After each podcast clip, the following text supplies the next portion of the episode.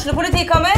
Ine Jansen er purk. Er du purk? The motherfucking bitch. Alt jeg vil, er å finne ut hva som skjedde med mannen min. Jon Carew. Er jeg sikta for noe? Iben Akeli. Det er du. Ole So, Lars Berrum og Big Daddy Karsten. Hvem sin side er du på, egentlig? Anette Hoff, Tone Danielsen, Kommer du fra Afrika?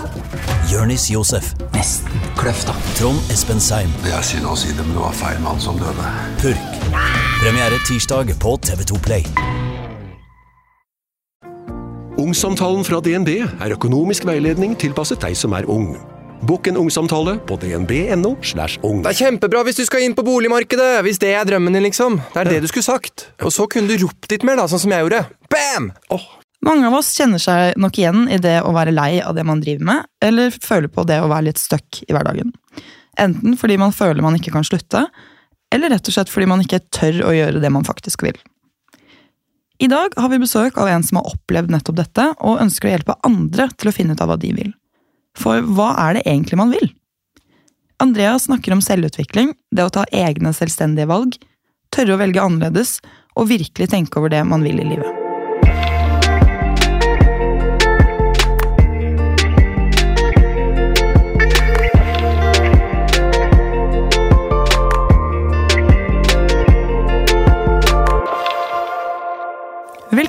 Velkommen til deg, Andrea. Tusen takk. Hei. Hei. Nå er det lenge siden vi har hatt gjest, kjenner jeg. Jeg vet det, så nå ble jeg litt sånn hm, Eller jeg har jo den andre podkasten, men dette er med deg. Ja. Spennende. Veldig spennende. Altså, du, du holder jo på med noe som er eh, veldig interessant, og jeg tror det er veldig relevant for egentlig absolutt alle, vil jeg si. Og jeg føler jeg bare hører om flere og flere som er så, så stuck, da, og er litt sånn derre ah, hva, hva, er egentlig, hva er egentlig livet nå? Hvorfor, hva, hva vil jeg, hvor skal jeg, og er, hva er egentlig meningen med livet? Ja. Og det er jo det du egentlig holder på med. Ja, nemlig. Eh, jeg ble veldig interessert i dette når jeg selv plutselig kjente meg veldig stuck. Og veldig eh, At liksom Ting var ikke sånn som jeg ville at det skulle være. Og jeg trodde at jeg visste hva jeg ville, og jeg starta på, på det, og så bare føltes det helt feil.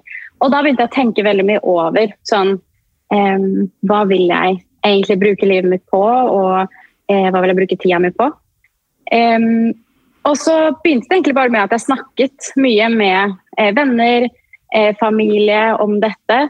Um, og så var det en dag jeg tok til meg motet til å eh, lage en story på min private Instagram hvor jeg snakka om dette. Og så fikk jeg så mye feedback.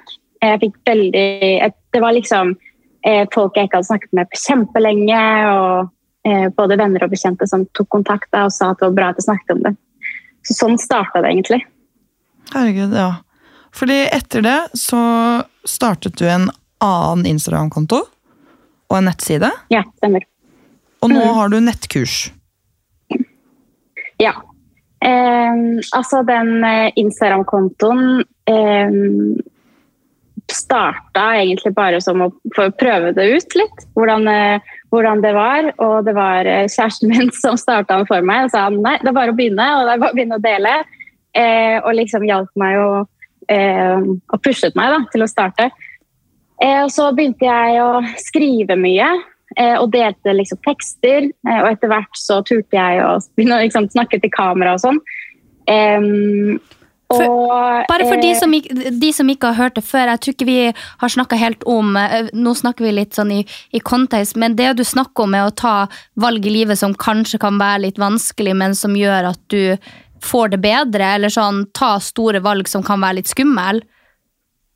Ja, altså det kan være store og små valg, og det kan godt være helt altså, tradisjonelle eller utradisjonelle valg, men det der å, å kjenne på at man ikke vet hva man skal gjøre nest, eh, som neste steg, og istedenfor å bare gå og gjøre det som alle andre har gjort, eller det du tror er riktig, da, og virkelig kjenne etter, og så tørre å ta valg som er for deg, og ikke for alle andre, eller for foreldrene dine, eller for å liksom gjøre det riktigere.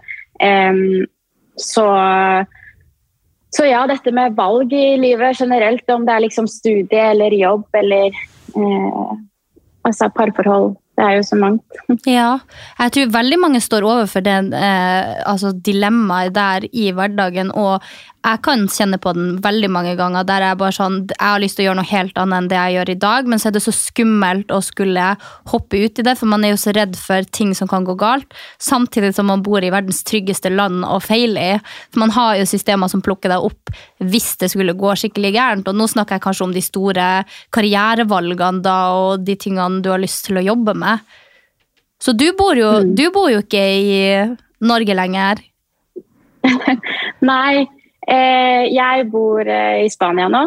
Ja. Eh, jeg har alltid vært veldig sånn eh, glad i å reise, glad i å bo i, i andre land og møte andre mennesker og andre kulturer og det ene med det andre.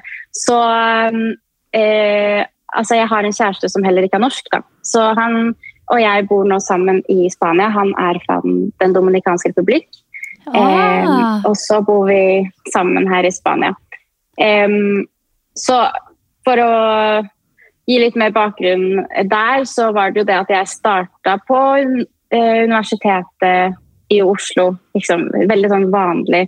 Um, og jeg skulle studere på Oslo Met, og jeg liksom hadde leilighet altså Jeg hadde bodde i kollektiv eh, med venninner, og alt veldig sånn vanlig og tilsynelatende veldig bra. Um, men det føltes ikke bra av en eller annen grunn. og Jeg kunne ikke skjønne hvorfor det ikke var bra. Det var jo dette her jeg ville, og det var dette her jeg hadde tenkt så lenge at, det var, at jeg ville. Eh, Ja. Så da jeg satte i gang med dette, og jeg liksom jeg, jeg kunne våkne opp og bare ah, Jeg ville liksom ikke starte dagen. Jeg gråt masse. Eh, det føltes ut som det var som om liksom flammen hadde bare blitt blåst ut. Jeg følte jeg liksom ikke hadde noe energi. Um, men så jeg, kjente jeg på det presset med at men, dette har jeg sagt så lenge at jeg ville. Jeg ville starte på dette studiet. Em, og jeg hadde hatt en del friår. Jeg hadde reist og jobbet i fire-fem år, eller noe sånt, så jeg hadde, kjente veldig på det presset at nå, nå måtte jeg tilbake til Norge, nå måtte jeg studere og liksom gjøre det riktige. da. Ja. Eh, men så, var det, så føltes det feil. Så, sånn var det det bare starta, og da endte jeg opp med til slutt å flytte til Spania igjen. Men flytta du til Spania før eller etter eh, eh, du hadde snakka med altså, den eventuelle kjæresten som du bor med nå? Da du, flytta du helt alene, eller flytta du med han?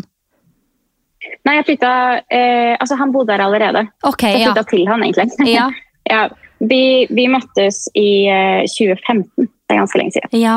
Så Det er jo eh, ja, så jeg- ja. Mm, så forholdet vårt har jo vært vart veldig lenge, og han har vært med på alle mine ups and downs. Og hvor skal jeg gjøre, og hva vil jeg? Men han er veldig veldig støttende, da. Ja, Eh, og vi er nok veldig enige eh, i mange ting som i hvordan vi vil leve livene våre. Ja. Har du noen gang savna tilbake til Norge, eller er du sånn jeg kommer til å være i Spania for alltid?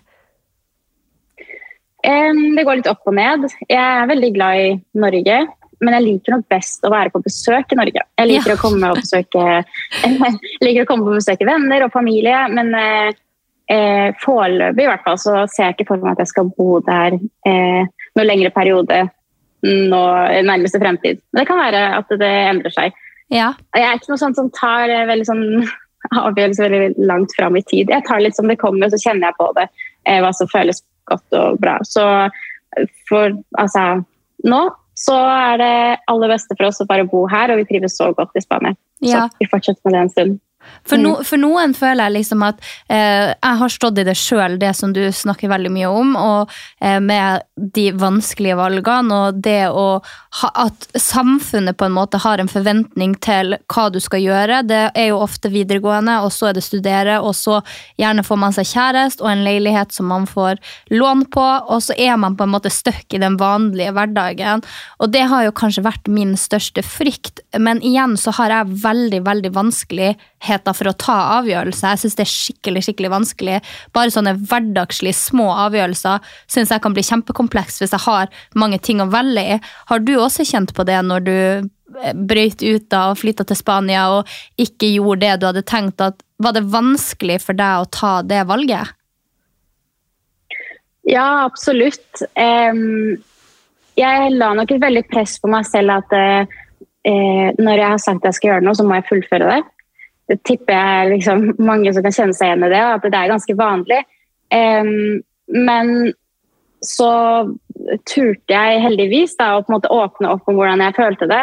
Og eh, det var en samtale med, som jeg hadde med mammaen min, eh, som sa at eh, hvis du ikke trives i det du gjør nå, og du har muligheten til å gjøre det du vil, som var da å flytte til Spania, så ser jeg ikke hvorfor du skal vente noe lenger med å gjøre det. Um, du trenger ikke å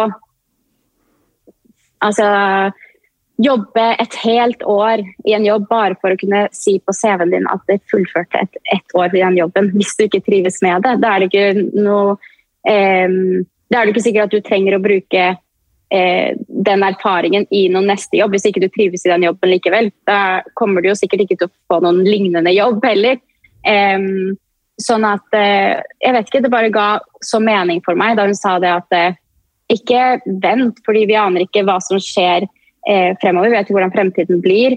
Og det å bare skulle gå og gjøre det riktige og på en måte vente på den, det riktige øyeblikket, det blir jo bare å kaste bort måneder og etter hvert år. Og du blir jo eldre og aner ikke hva som skjer fremover. Så ta sjansen. Og det var det jeg gjorde. Ja, det, jeg syns det er uh, veldig fascinerende at du har uh, turt, men noe annet som jeg også tenker på, er jo den at du faktisk har visst hva du ville istedenfor. For det føler jeg også at er et ganske sånn stort problem, at folk vet ikke hva, du, hva, de vil. Og det vet jeg også at du snakker om i for nettkurset ditt også, at hvordan finner man ut av hva man faktisk vil? da? Fordi alt mm. kan, som du sier, tilsynelatende se veldig bra ut. Man kan ha en ok kjæreste, en ok jobb, et ok sted å bo, og så er det ingenting som tilsier at man egentlig ikke skal ha det bra. Og så er det den her, ok, men hva ville jeg, hva ville jeg at skulle vært annerledes? Og så kommer man ikke på det heller. Hvordan er det du jobber med folk i forhold til det? Hvordan finner man ut av hva man vil? Um, det jeg pleier å si, er at eh, noen ganger så må man finne ut av hva det er man ikke vil, for å finne ut av hva man, hva man vil. Fordi at eh, du finner på en måte ut av det mens eh, tida går, og, og, du må rett og slett bare prøve. Fordi at du kan ikke ha det er jo ikke sånn, og det vet man jo, det er jo derfor man lurer. fordi at man har ikke svaret rett foran seg. Og det er ingenting som er liksom soleklart. Eh, så da er det rett og slett det å prøve og feile. Fordi det er så mye man kan gjøre i livet, og det er så mange eh, forskjellige mennesker og måter å leve på og kulturer. Eh, og det er så mye å prøve ut. Og tenk at du eh, med din bakgrunn og du blir, hvor du blir født og måte, hvilken eh, hverdag du blir født inn i, så prøver du jo en første ting. Noe, noe blir du enten om du tar valget selv eller om noen tar valget for deg, så vil du jo prøve én ting. Eh, og hvis du ikke liker det, så er, det, så er det så dumt å skulle bli der resten av livet. Da. Du prøvde ok, du ting, så liker du det ikke. Da skal du ikke bli der. Da tar du et steg, og så prøver du noe nytt. Og så liker du ikke det, så eh, går det en annen retning. Og så tror jeg at eh, det er lurt å øve på å virkelig kjenne etter magefølelsen. Fordi at nettopp den følelsen av at eh, du kanskje ikke liker noe, eller at noe det, liksom, skurrer litt, eller, eller, at du har den følelsen av at det er noe mer der ute for meg, jeg har lyst til å liksom gjøre noe mer det er jo magefølelsen din og på en måte deg selv og underbevisstheten som dytter deg litt i, i, i riktig retning. Eh, så det å øve på å kjenne etter, lytte til den, eh, men også tørre å prøve og feile, og tørre å si at 'jeg vet ikke helt'. Sånn, eh, når folk spør deg 'hva gjør du', eller 'hva vil du', hva er planene dine', så går det helt greit å bare si 'jeg vet ikke', og jeg prøver ut, og jeg eh, prøver det, nå går det ikke, så prøver jeg noe annet. Det er ikke krise. Nei, for det er jo litt tabu, føler jeg, å ikke vite hva man skal og ikke ha noen plan for fremtida. Jeg personlig hater jo når folk spør sånn Hvor ser du deg sjøl om ti år?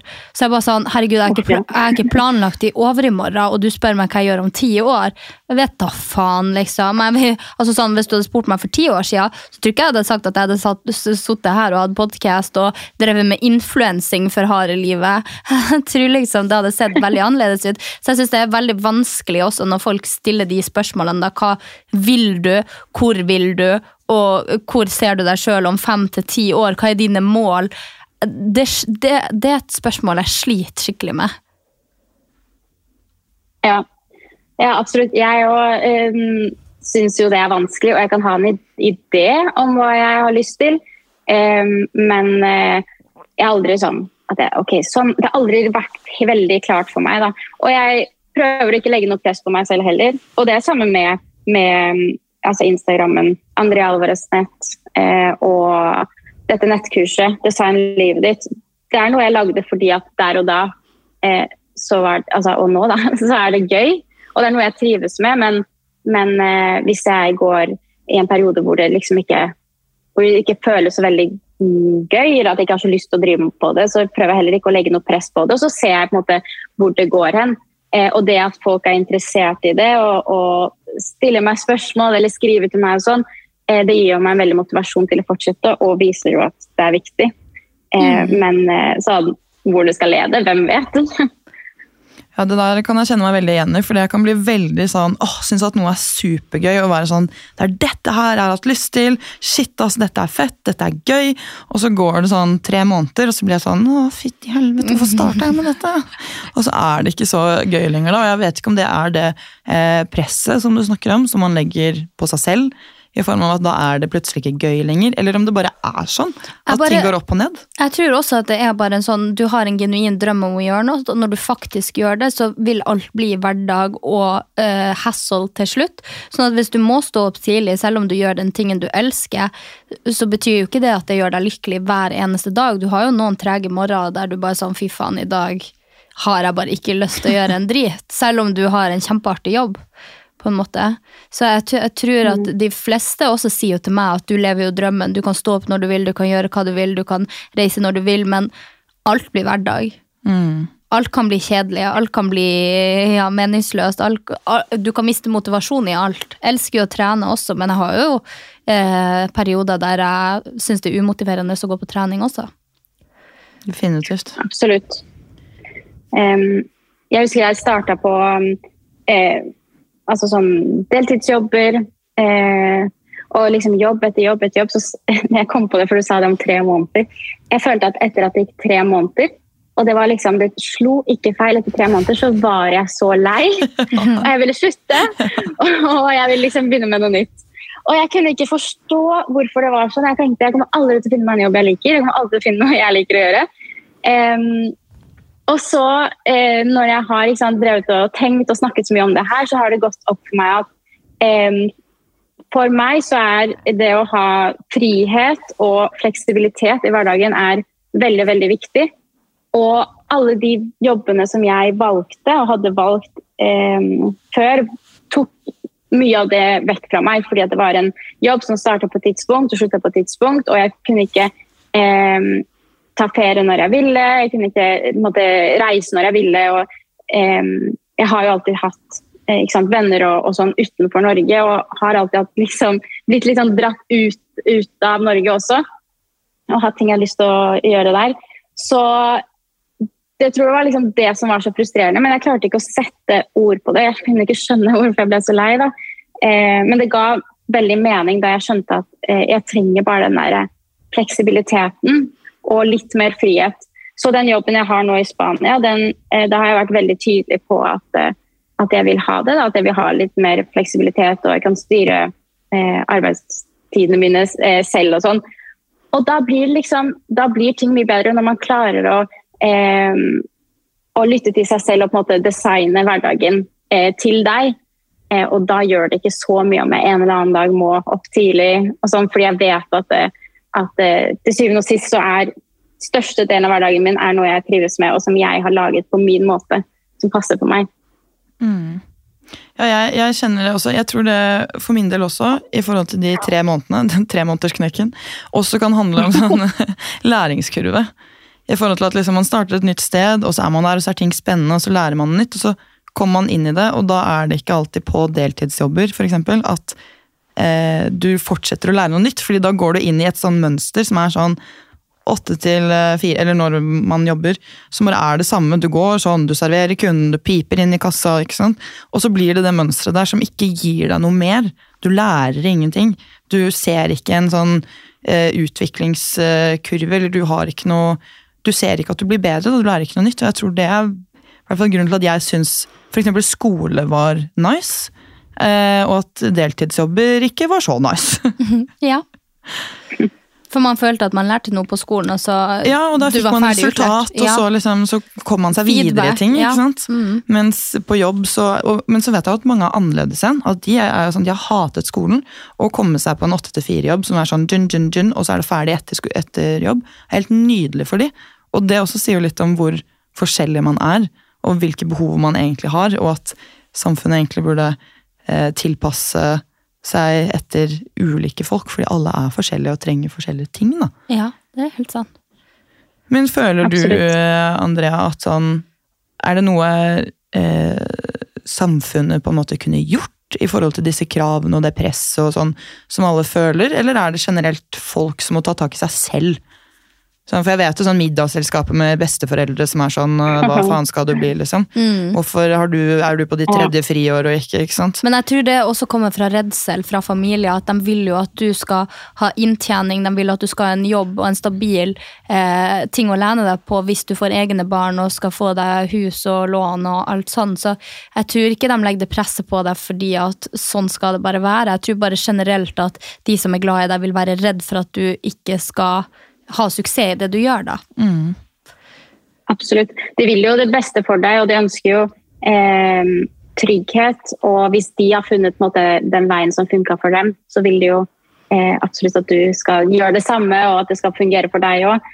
Eh, men så må man tenke på eh, hva, er den, altså, hva er den tryggheten verdt hvis ikke man har det bra. Så man må jo klare, altså, Det er jo en balanse. Man må eh, balansere det og eh, altså, gi og ta. Hør et på råd, og hør på de som har gjort det før, før deg, og så eh, tar du det du syns høres lurt ut.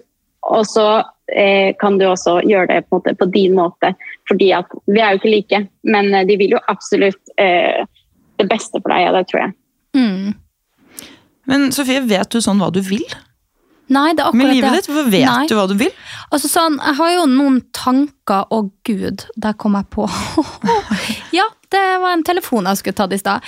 Eh, em, ja, eh, som jeg ikke fikk til. Em, nei, altså sånn, jeg har jo noen ting som jeg har sett for meg at jeg har lyst til å gjøre, blant annet programleder, eh, som går litt i de trakter jeg har vært, men at man er på andre siden av det.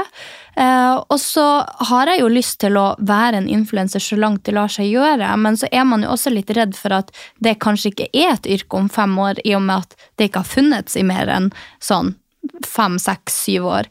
Eh, så jeg tror bare usikkerheten ved om dette er bærekraftig og levedyktig, er det som gjør at jeg begynner å tenke litt på hva kunne jeg gjort hvis ikke. Um, men jeg er jo veldig fornøyd i den livsstilen jeg er i nå, men jeg har jo ikke tatt de store sjansene. Min drøm har jo også vært å flytte til utlandet og eh, bare gjort, eh, gjort de tingene jeg har hatt lyst til, men så har jeg også sett hindringer og sperringer som gjør at det kan bli vanskelig i lengden, det også. Ja. Tenker du at hun bare skal slippe alt og flytte? Andrea? Jeg? Ja, tenker du at Sofie bare skal flytte? Tror du det er best? Altså, jeg tror ikke det hadde gjort noe.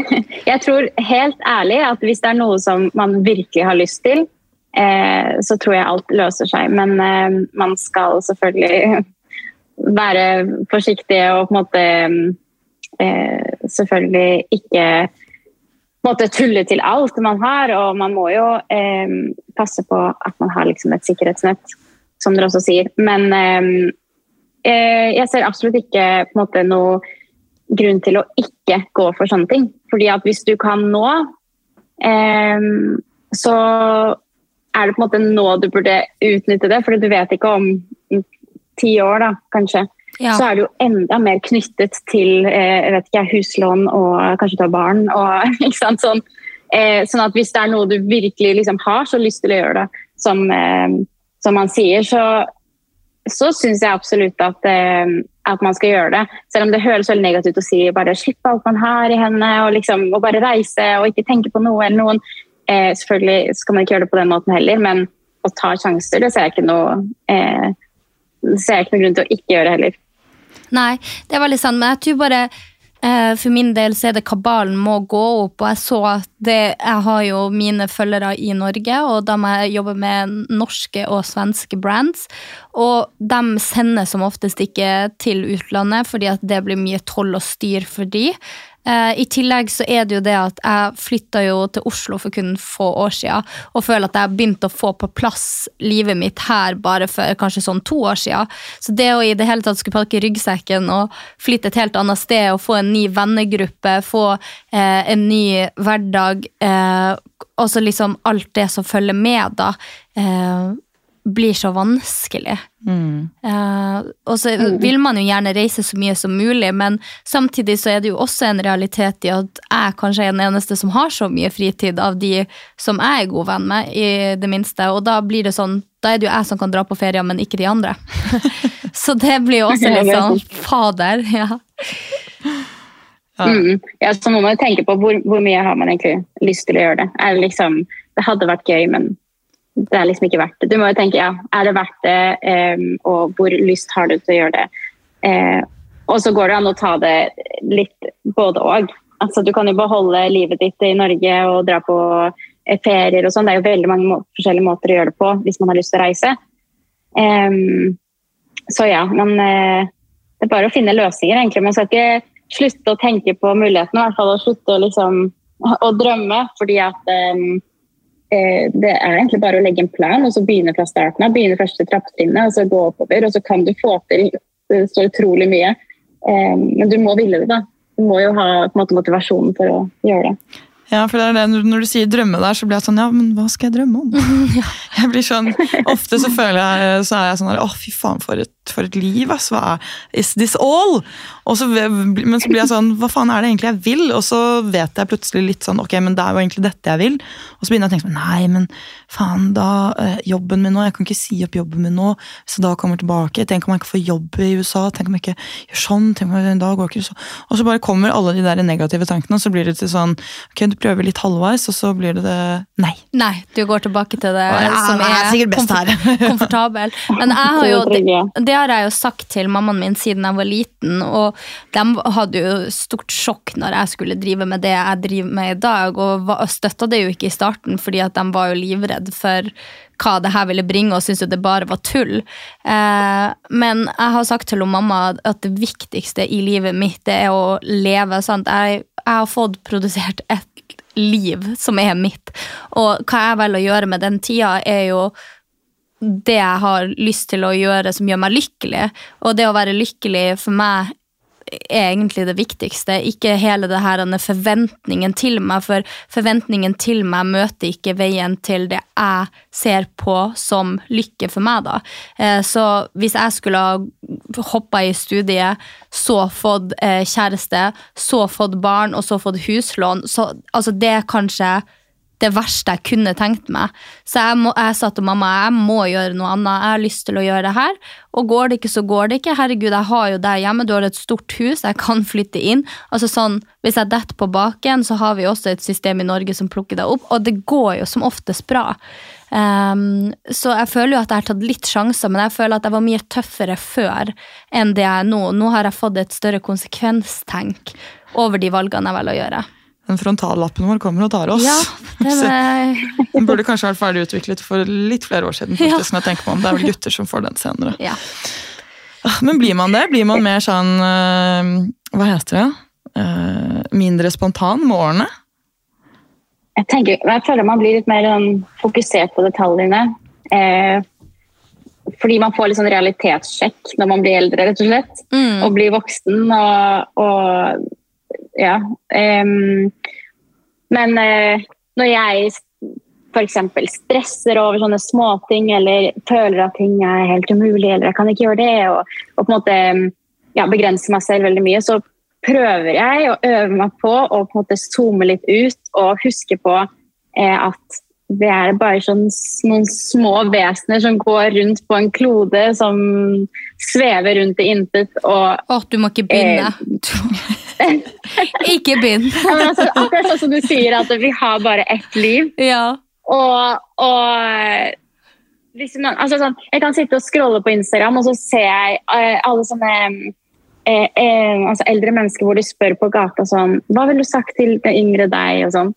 Og da sier, sier jo liksom alle at eh, tatt flere sjanser, turt å liksom eh, gjøre det jeg vil og ja, leve livet mer. da. Fordi at eh, jeg tror vi blir så fokusert på detaljene når vi er i denne alderen. Spesielt sånn mellom 20 og 30 år. Um, Ja, der er jeg jeg kommet fokusert på ennå. selv og detaljene. Så fint. Men akkurat det du sier der, er det en eh, kompis av oss, Gul. Mm. Eh, For dere som har hørt på podkasten lenge, vet jo hvem Gul er. Ja. Eh, Og han har, en sånn, han har fortalt meg om en kunstner som laget et maleri. Og alle som kom og så på det, var sånn Hva faen er det her? Er Ingen som skjønte hva det var. ikke sant? Før han liksom til slutt flyttet alle sånn kjempelangt bak i rommet. Så man så hele bildet langt bak, og da så man at det var vannliljer. Og ikke bare masse clash av hvite ting. Så du må faktisk liksom steppe ut av det for å se det hele bildet. Og da ser du liksom the beauty of it. Ikke ha på skylapper og være sykt detaljfokusert, som eh, noen her på siden kanskje pleier å være. Ja. Jeg håper du sikter til deg. Ja, jeg sikter til meg Ja. selv, da. Definitivt. Ja. Fordi at jeg kjente meg ikke helt igjen i det. Du, du, Sofie, du ser altfor mange Ja. vannliljer, du. Du må liksom zoome inn, du. Og så bare skjønne, ok. Jeg må fokusere på det, ja. Ja, det var det, ja? ja. Nei, det er interessant altså, hvordan, hvordan man blir påvirket av ulike ting. Mm. Og at man har ulike behov, og at man fungerer så forskjellig. Men jeg skjønner det jo også på en måte. Tenk hvor kaos verden hadde vært hvis alle bare skulle Unnskyld å si det, men hvis alle bare skulle finne sin egen vei, og ingen hadde lyst til å jobbe fra åtte til fire, og ingen hadde, alle hadde lyst på helg midt i uka, og alle hadde lyst på Jeg kommer på ikke på jobb i dag, jeg. Ja, nei, sant. Det hadde jo, det hadde jo gått til helvete. Det, så jeg skjønner jo at eh, vi er konstruert sånn i samfunnet at det er forventa av deg. For at hvis det var forventa at du bare skulle leve livet ditt og bare tenke på deg sjæl, ja, da hadde det gått til gaiken med resten av oss. Til gaiken? Ja, til gaiken. Hva er gaiken? Og det er Finnmarks Finnmarksord for til helvete. Ok. Ja. Til Men jeg prøv, prøvde å ikke si det. da. Til gaiken. Ja, til gaiken. Til gaiken. Ja. Men det er jo noen som trives veldig godt med det òg. Altså, sånn, Jeg sier at, at eh, jeg ville likt Altså, jeg trives best når jeg har fri, frihet, frihet og fleksibilitet, men det er jo veldig mange som eh, ikke liker det, og som eh, liker å ha mer struktur, og de vil liksom planlegge. og eh, liker dette livet med at de bare kan dra på jobb, og når de er ferdig på jobb, så er de ferdig Mm. og drar hjem. Og, altså, ikke sant? Det er jo alle mennesker eh, er jo forskjellige, Mm. som vi alle vet. Hæ? og at eh, Og at Ja, sånn at det jeg eh, s- måtte heie på, det er jo at de som ikke passer inn i det, og som virkelig kjenner at det er feil, at de skal tørre å på en måte gå ut av den, den boksen. da. Eh, fordi at vi trenger heller ikke at alle er sånn. Nei. Eh, Nei, det tror jeg, som Mm. Sofie sier, hadde blitt kaos. Ja. ja, Det tror jeg hadde absolutt. blitt litt kaos. Alle hadde vært influensere. Ja. Alle skulle til huk klokka to og bade for at det hadde de sett på Insta at var nice, liksom. Bare sånn, kan ikke komme på jobb i dag. Skal hun isbade? En ny hobby jeg har fått, vet du. Ja. Det, det fortsatte du ikke med. Nei, det, det, det ble, ble, ble ikke min hobby. Nei. Isbading. Nei. Nei. Forskjellige interesser for forskjellige folk. Ja, men, men, jeg tror, men jeg tror ingenting på det. Jeg tror ingen liker å isbade. Jeg tror at folk Jenny Gerken Nei, liker å isbade. Nei, hun gjør ikke det. Hun later som at hun liker det, fordi at det ser bra ut. Og fordi at, jo, og fordi at man bare sånn Da får hun oss til å tenke 'fy faen, jeg er pingle som ikke tør å bade på sommeren engang'. Og så kan hun føle seg dritfett. Jeg er helt sikker på at når hun ligger der, så tenker hun hver gang bare sånn 'fy faen, så kaldt'. Ja, det tror jeg. Det er ingen ro å få nedi vann på minusgrader. Kanskje vi må ha en episode om nei, nei. isbading? Ja. Få inn i Gerken. Nei da, jeg tuller bare. Det kan være at eh, noen liker det kjempegodt, men da, da er det noe gærent oppi topplokket. For det- det å isbade Jeg har ikke, jeg har ikke testet det, så jeg skal ikke si noe. Nei, altså sånn, Det er en deilig følelse etterpå, men den varer jo i ca. 20, 20 sekunder. Og så er du jo bare dypfryst resten av dagen og føler deg litt pjusk. Jeg trodde, det var, jeg trodde jo at etter man hadde Jeg har ikke gjort det heller. Men jeg trodde det var etter man kom opp fra vannet, at det var da det liksom Å, det var deilig. Ja, Fordi det, at det er jo pining når man er i vannet. ja men sånn Men hvis man går rundt etterpå Det, det, er jo, det er jo kjempedigg når du har gått på en haug med glasskår og kommet av glasskårene også. Så jeg tenker sånn at det, det å gå og isbade, det er jo kjempedeilig etterpå, for da er du faktisk ferdig med det som var jævlig. Og da, sant, det var jo deilig før også, så skjønner du litt hva jeg mener. At det tar 20 sekunder der du bare sånn å, fy faen, så deilig. Men det er jo deilig at du er ferdig. Eh, og så kommer du hjem, og så legger du deg i sofaen, og så bare begynner du å hake tenner og bare sånn fy, fy, fy faen. Altså sånn, nei. Jeg liker veldig godt sammenligningen med å gå på glasskår Ja. med isbading. ja. Det er ubehagelig, det òg. Skikkelig ubehagelig. Det er noe du pleier å gjøre mye. Jeg har testa ut det også, men det ble heller ikke en hobby. Du, du foretrekker kull, glødende Ja. kull. Glødende kull, det er min greie. oh. Ja. Nei, gud av meg igjen. Jeg vet ikke om du har noen uh, siste tips til oss, ja, til slutt? Sånn om, hvis man sitter der ute nå og er litt sånn ha, hmm, shit, hva skal jeg gjøre med livet mitt? Og ikke helt vet. Kanskje man er litt sånn, man har noen sånn anelser. Hvis du har topp tre tips da, til de som hører på, hva skulle det vært? Topp tre tips. Um, det første må nok være å tenke over Ok, siste året, eller siste semesteret. Hva er 20 av det jeg har gjort, som jeg har likt aller best? Fordi at eh, Istedenfor å skulle tenke liksom på det store og det hele, og det er vanskelig liksom finne, ta tak i noe spesielt, em, så liker i hvert fall jeg å tenke på det, for da kan du tenke over at em, jeg liker jo egentlig det jeg driver med, og jeg liker jobben min, men, men kanskje hvorfor er det jeg liker det? Hva er det av det jeg driver med som jeg liker aller best? Um, og da kan jo også veien fremover um, være litt mer tydeligere. Hva er det jeg vil på en måte spesialisere meg på, eller ja, hva vil jeg gjøre mer av, da? Um, og så uh, liker jeg ofte å tenke på uh, fire sånne fire altså hva skal man kalle det, kategorier. Som er den ene hva er det jeg er god på? Og den andre er hva er det jeg liker å gjøre? Tredje er hva kan jeg bli betalt for å gjøre? Og siste er hva er det verden trenger? Og hvis du finner liksom den balansen mellom disse fire her, så tror jeg du eh, virkelig har liksom klart det. Og det tror jeg, hvem er det som finner ut av akkurat det? Det er jo kjempevanskelig. Men eh, eh, absolutt ikke jeg heller. Jeg bare surrer rundt og prøver og prøver. og prøver. Du bare Eh. mopper rundt i Spania og bare sånn Du bør gjøre Ja. det samme! Nei da. Men, eh, men å bare tenke over det. Og tenke på, for Det er så mange som henger seg opp i hva, hva liker jeg, hva liker jeg, hva liker jeg, og hva, hva har lyst til å gjøre. Eh, men eh, det er jo en realitet at man må eh, få betalt, altså må ha penger eh, også. Sånn at måte, hva kan man bli betalt for, hva er det verden trenger, hva er jeg god på, og hva liker jeg. Eh, tenk litt mer over det. Sånn finne en balansegang mellom, mellom de, de fire tingene. Og Ja. en tredje kan, kan kanskje være litt mer oppfordring eh, til å snakke mer om dette åpent og i vennegjenger og sånn. Og så eh, være åpne for at man kan prøve litt forskjellig og man kan gå forskjellige veier. Og hun, hun jeg bodde med da jeg virkelig ikke likte um, det jeg holdt på med, uh, hun sa til meg at uh, men det er jo ikke sikkert at studier er for alle. Det er jo ikke sikkert at akkurat det studiet er for deg. Og sånn kjempeenkel replikk som det er, kjempeenkel ting å si, Mm. eh, gjorde jo egentlig at jeg endra helt eh, eh, tankegang. At eh, kanskje det ikke er for meg, og kanskje jeg Altså, jeg har helt lov til å på en måte trå ut av det. At jeg trenger ikke å fortsette hvis ikke jeg, hvis ikke jeg liker det. Um, og jeg tror det er viktig å ha mennesker rundt seg som, eh, som også minner deg på det at eh, du kan prøve andre ting. Det går helt greit. Mm. Skikkelig fint. Ja, det var skikkelig fint. Jeg tror ikke jeg endrer verden med min influensing, men ellers veldig bra råd. Det Var litt trist at det ikke Ja, det ikke hjalp meg. Det var litt trist, ja. Ja, men da må ikke sant, ja. Da må vi justere. Da må vi justere, ja. Justere. Finne balanse. Finne balanse. Justere. Ja. Finne riktig. Herregud. Tusen takk, Andrea. Ja, det var skikkelig lærerikt, og eh, jeg syns det var artig at du faktisk skrev om det her, for det er noe at jeg kjente meg skikkelig skikkelig igjen i.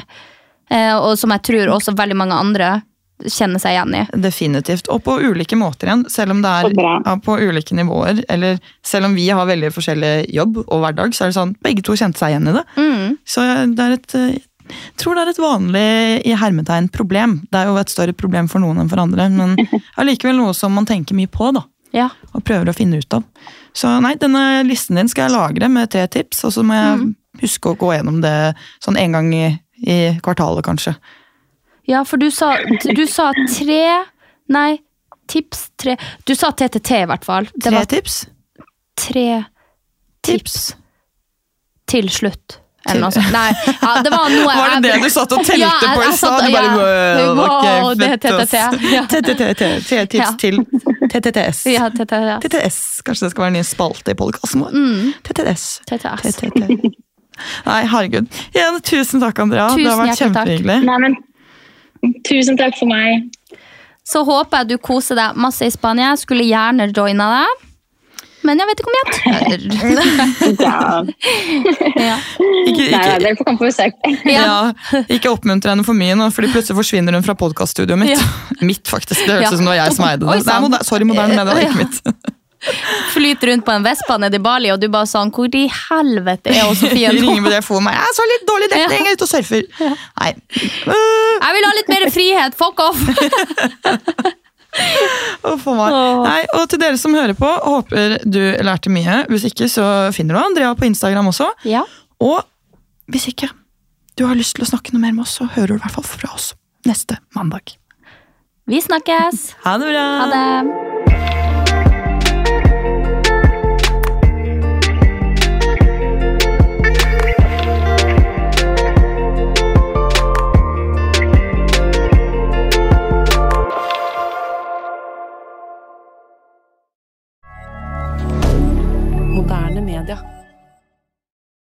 Har du et enkeltpersonforetak eller en liten bedrift?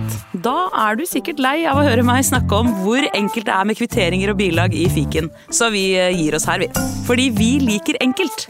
Fiken superenkelt regnskap.